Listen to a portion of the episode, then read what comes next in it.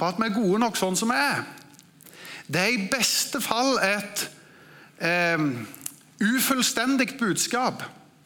Da blir det på en måte ikke så veldig annerledes om du leser en hvilken som helst selvhjelpsbok som handler om at du skal få et litt bedre selvbilde og være litt mer fornøyd med deg sjøl. Og Det er en del av det Jesus gir, at når vi får lov å speile oss i hans identitet, så får vi lov å se oss sjøl i Kristus. og Da er det klart at da, da, er vi jo gode nok. I Jesus er vi gode nok, men i oss sjøl er vi absolutt ikke gode nok.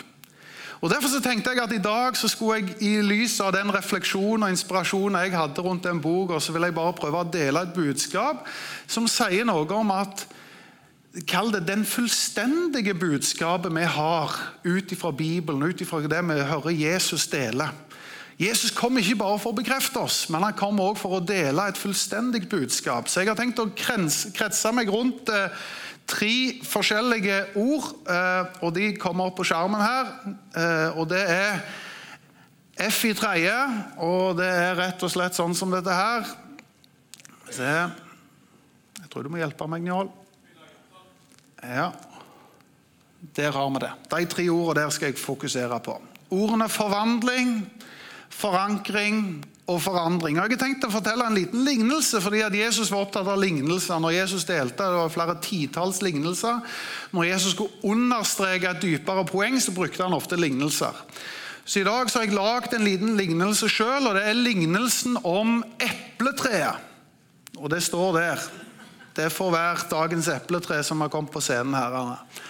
Eh, og Lignelser har jo det i seg at de, de kan jo ha huller og mangler, men det er ofte sånn at du bare, hvis du fanger essensen av det, så får du tak i et dypere liggende poeng.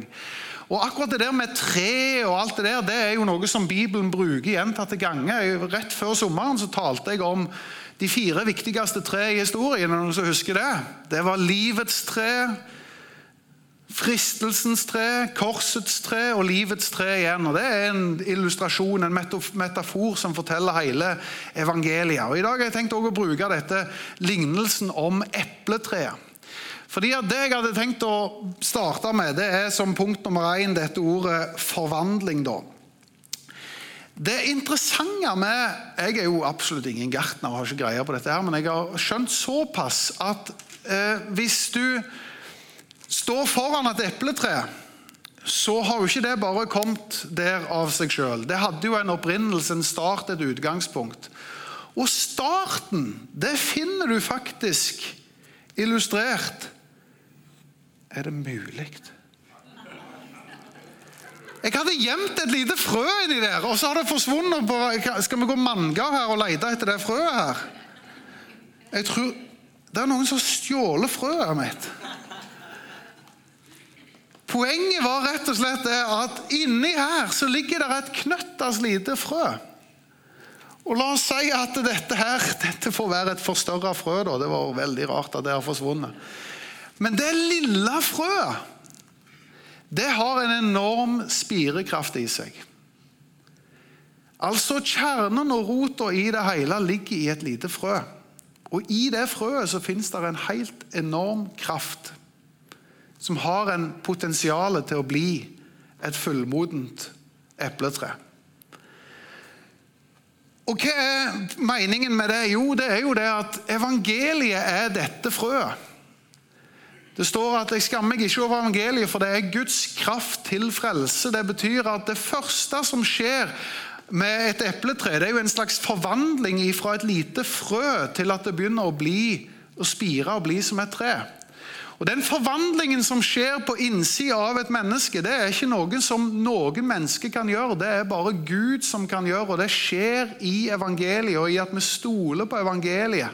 Det har en enormt forvandlende kraft. Og Den forvandlingen deres, den, den eh, er ikke noe vi kan ta oss sammen til. Det er en kraft som kommer fra innsida. Når vi snakker om at evangeliet er en Guds kraft, til frelse, så tenker vi kanskje ofte på kraft og makt som noe som kommer utenifra og inn, eller ovenfra og ned, fordi at alt av lover, f.eks., eller kongemakt eller regjering, eller du, må du inn med militærmakt, eller kommer politiet, ja, så er det ting som er påtvingt utenifra. som er representant for makt og kraft. Men når du kommer til Guds rike, så er det innenifra. I et frø så er det nedenifra og opp. Det er ikke ovenfra og ned, det er nedenifra og opp. Jesus forteller en gang en lignelse om en surdeig. Han sier det akkurat sånn er det med Guds rike. Det kommer på innsida, og så påvirker det resten. Og det er Når evangeliet får lov å flytte inn her, så skjer det en forvandling av et menneske. Når Nikodemus kom til Jesus, så var ikke Jesus sitt budskap til han at eh, Men du er god nok som du er, du, Nikodemus. Det var du må bli født på ny. Det må skje en forvandling på innsida her. Og Når den forvandlingen skjer, så starter det et nytt liv. Og Det har en enorm dynamittkraft i seg. Og Derfor så løfter jeg opp på første punktet. herrene. Det er troen på evangeliet. Evangeliet er en forvandlende et forvandlende budskap som har gjort noe i mitt liv, som har gjort noe i ditt liv. Det er der endringen skjer. Det er der det, det mirakelet skjer. At en blir et Guds barn, at en fødes på ny. Det er, Jeg har brukt det i ungdomssammenheng, vet jeg. Det er at du blir ikke en hest av å gå inn i en stall. Det er dere med på. Så om jeg sier så blir ikke jeg en hest. Jeg må være født til å være en hest for å være, bli en hest. For å være en hest må jeg være født til det. For å være en kristen så blir du ikke det av å gå inn i de rette sammenhengene, gå på de rette møtene og gå på de rette sammen, eller oppføre deg som en kristen nødvendigvis heller. og Der løfter vi hendene og der synger vi de sangene osv. Selv om det er fint og bra. Men forvandlingen skjer med at en blir født på ny. Og Det er startpunktet for et tre òg. Det er når det frøet får lov å bli sådd. Når det frø blir sådd, og så begynner det å spire, så skjer det en forvandling. Og I den forvandlingen deres så blir vi Guds barn. Og Det er nydelig å tenke at det er evangeliet. Det er en forvandlende budskap. Men så er det jo det at jeg sier det er ikke, det er ikke sånn at det er alt Bibelen har å fortelle. Historien om epletreet starter med et frø, men det slutter ikke med et frø. Fordi Det dere ser her, det er noe som har begynt å bli solid. Noe som har blitt bestående, noe som tåler vær og vind. Noe som tåler en støyt. sant? Og Det må jo være målet til et frø. Det er ikke for å bli et frø, men målet til et frø er å bli et tre. Og Sånn må det jo være for enhver troende òg, for målet er i første omgang at vi skal forvandles og bli nye mennesker som følger Jesus Kristus, og som lar evangeliet få lov å plantes inn i hjertet vårt. Men så må, må jo målet være at vi skal bli stående i troen. Solide, sterke, tåle vær og vind.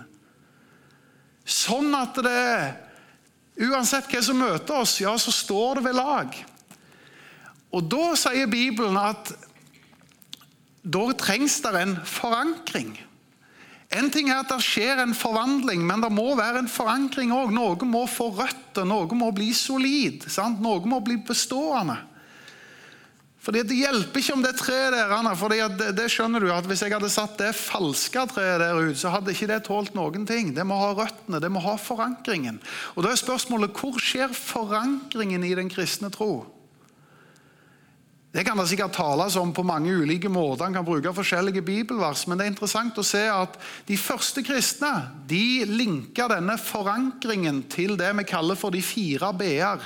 I apostelgjerningene 247 eller 242 er det kanskje, så står det trofast holdt de seg til apostlene sin lære, til fellesskapet, til brødsbrytelsen, til bønnene. Det var sånne forankringsdimensjoner som gjorde at de ble solide i troen. Trofast holdt de seg til apostlenes lære, for det første. Hva var apostlenes lære? Apostlenes lære var to dimensjoner.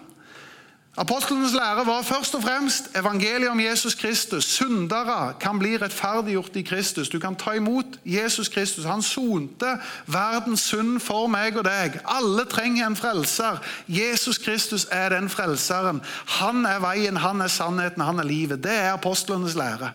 Men så hadde også apostlene en lære som handler om det vi kan kalle for bergprekenens Jesus. Det vil si Alt han delte om livet, om etikk, om moral, om en livsstil som er god, om å vende det andre kinnet til, om å elske sin neste som seg sjøl.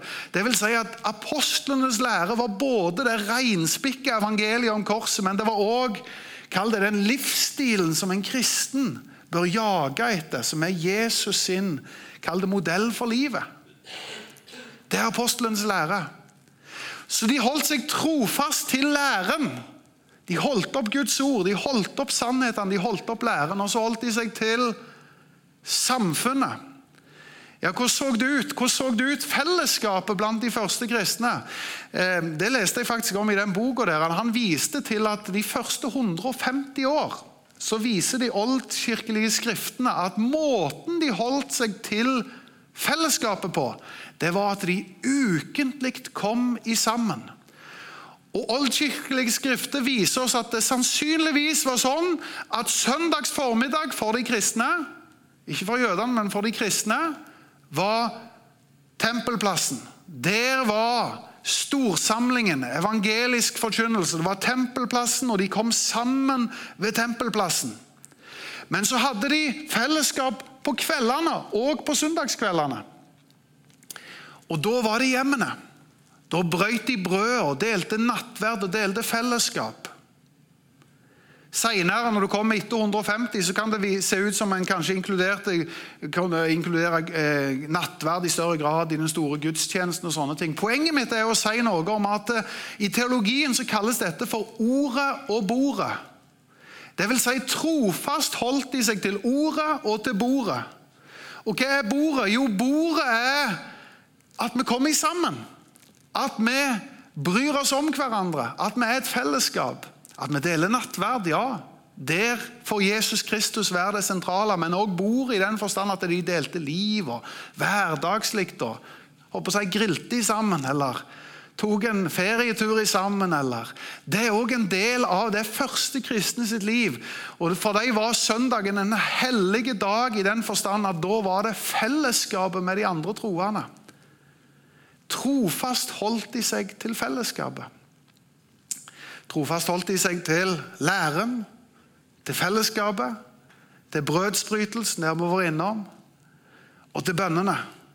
Og Bønnene de ba de fritt og åpent noen ganger. Andre ganger så tok de fram Salmenes bok og så siterte de der. og Så kunne de lese skrevne bønner. og Så var det en salig blanding av et bønneliv. og Poenget er jo noe om at de første kristne viser oss en modell.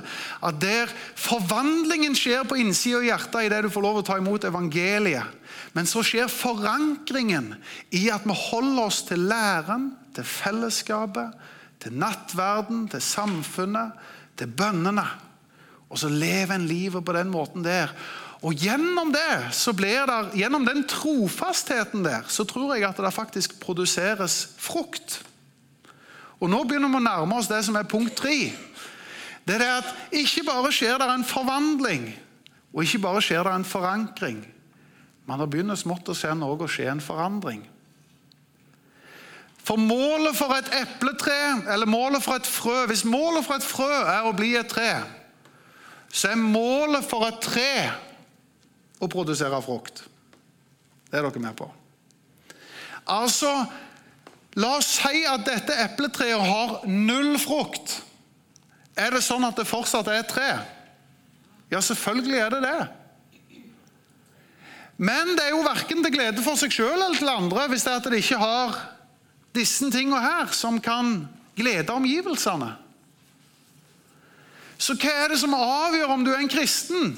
Jo, det er jo at det har skjedd en forvandling, og at du har blitt et menneske som lever som en etterfølger av Jesus. At du er et tre. At du har fått evangeliets frø planta på innsida, at du har blitt planta i det og sier at jo, jeg har lyst til å følge Jesus. At du begraver det gamle livet og reises opp til et nytt liv med Jesus og sier jeg vil være en etterfølger, jeg vil være en disippel. Betyr det at du har masse frukt i livet? Nei, ikke nødvendigvis. Men det at jeg er en kristen eller ikke en kristen, avgjøres ikke hvor mye frukt det er. Men det er klart det er jo til glede for både deg sjøl, for fellesskapet, for folk rundt deg, at det produseres frukt. Det er vi med på. Så epletreet slår ut i full blomst. For det er jo ikke, er ikke noe sånn i september eller noe sånt det skjer. Så, så husker jeg i gamle dager når jeg gikk på epleslang, at det var sånn cirka i disse tider. her. Kan det stemme, det? Ja. Andre som går på epleslang. Å ja, mye syndere her inne. Trenger å omvende dere hele gjengen. Ja. Så hva er det som skjer? Jo, sakte, men sikkert så popper det fram noen frukter som forandres og forandres, så blir det saftige og gode greier til glede for folket. Og dette er jo det fulle budskapet til Bibelen. Det kan sikkert sies på mange måter, men det er ikke bare at Jesus kom for å bekrefte deg og si at du er god nok. Det er ikke bare vi vil være ei kirke som er åpen og inkluderende, og det forventes ingenting av deg. og, Det er alt Bibelen har å si, og bare vær fornøyd med deg sjøl osv. Nei, Jesus vil forvandle menneskeliv. Og så vil han at vi skal forankres i troen. Og så vil han at det skal produseres frukt. Og Hvordan ser de fruktene ut? Jo, De kan også sikkert sies på mange måter. Jeg synes Den beste oppramsingen den finner vi i Galaterne 5.22. Det står åndens frukt er kjærlighet. Entall. Det er sånn at det er egentlig bare én frukt. Hvis du skal koke det ned til én frukt, så er det kjærlighet. Og Hvis du deler den kjærligheten opp i litt mindre båter, så er det fred, glede, overbærenhet, vennlighet, godhet, trofasthet, tålsomhet, selvbeherskelse. Masse sånne fine frukt. Ja, Hvem liker ikke å være om nær folk som preges av det? Altså Hvis du tynes og skvises og det kommer ut godhet og trofasthet og tålsomhet og selvbeherskelse, hvem trives ikke med det? Da blir du en god ektefelle, en god venn, en god far, en god mor. En god nabo. Det er de fruktene som Gud vil produsere i oss. Så jeg tror at den type frukter der, det er noe av Kall det målet. Det er at vi får lov å leve som etterfølgere av Jesus på den måten der. Vi får lov, lov å preges av Jesus sin karakter gjennom åndens frukter.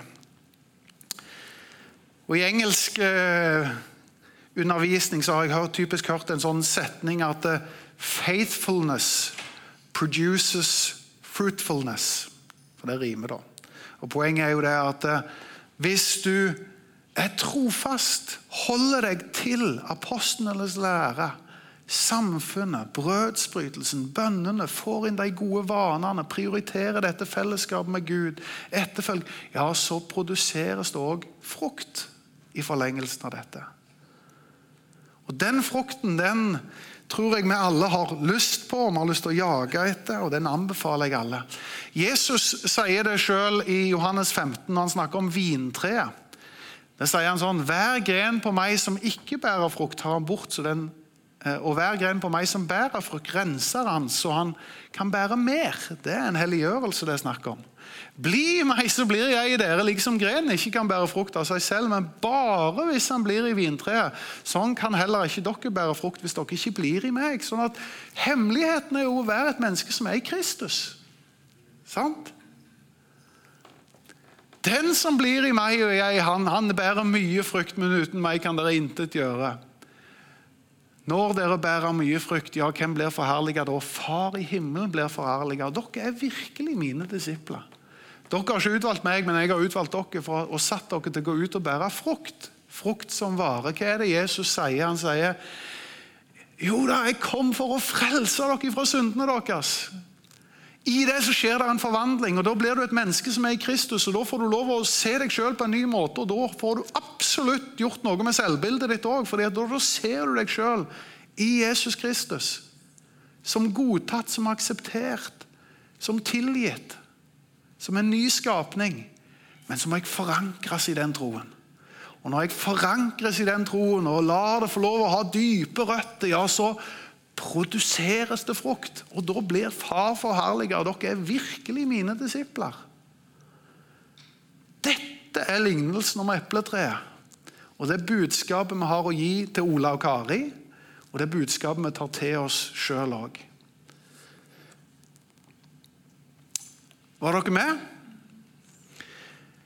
Jeg har lyst å avslutte. Jeg hadde egentlig ikke tenkt den, Jål, men uh, der skulle bes en bønn, og den har jeg ikke bakt inn i denne presentasjonen, så du må finne den. Jeg har lyst til å bare avslutte med å be en bønn som uh, Francis av Assisi, er det Francis av Assisi?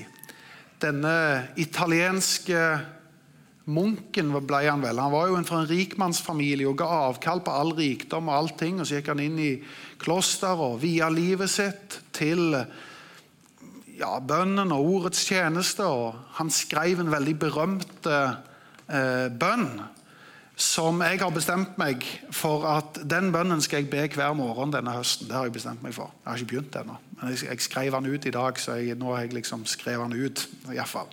Så skal den ligge i Bibelen min, og hver gang jeg åpner Bibelen, så skal det første jeg åpner, skal være den bønnen der. og Den skal jeg be hver morgen. og Det har blitt min innstilling.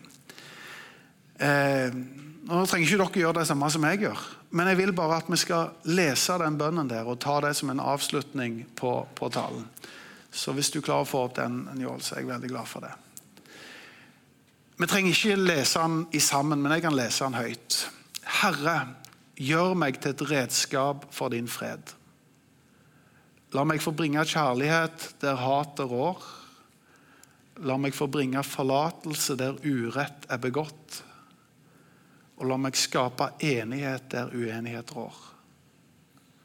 La meg bringe tro der tvilen rår, og la meg bringe sannhet der villfarelsen rår. La meg bringe lys der mørket ruger. La meg bringe glede der sorg og tyngsel rår. Neste.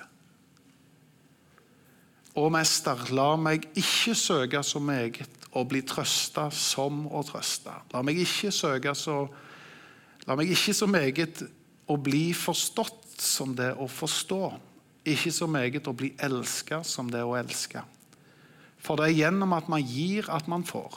Det er ved å glemme seg sjøl at man finner seg sjøl. Det er ved å tilgi andre at man selv får tilgivelse. Det er ved å dø at man oppstår til evig liv. Amen.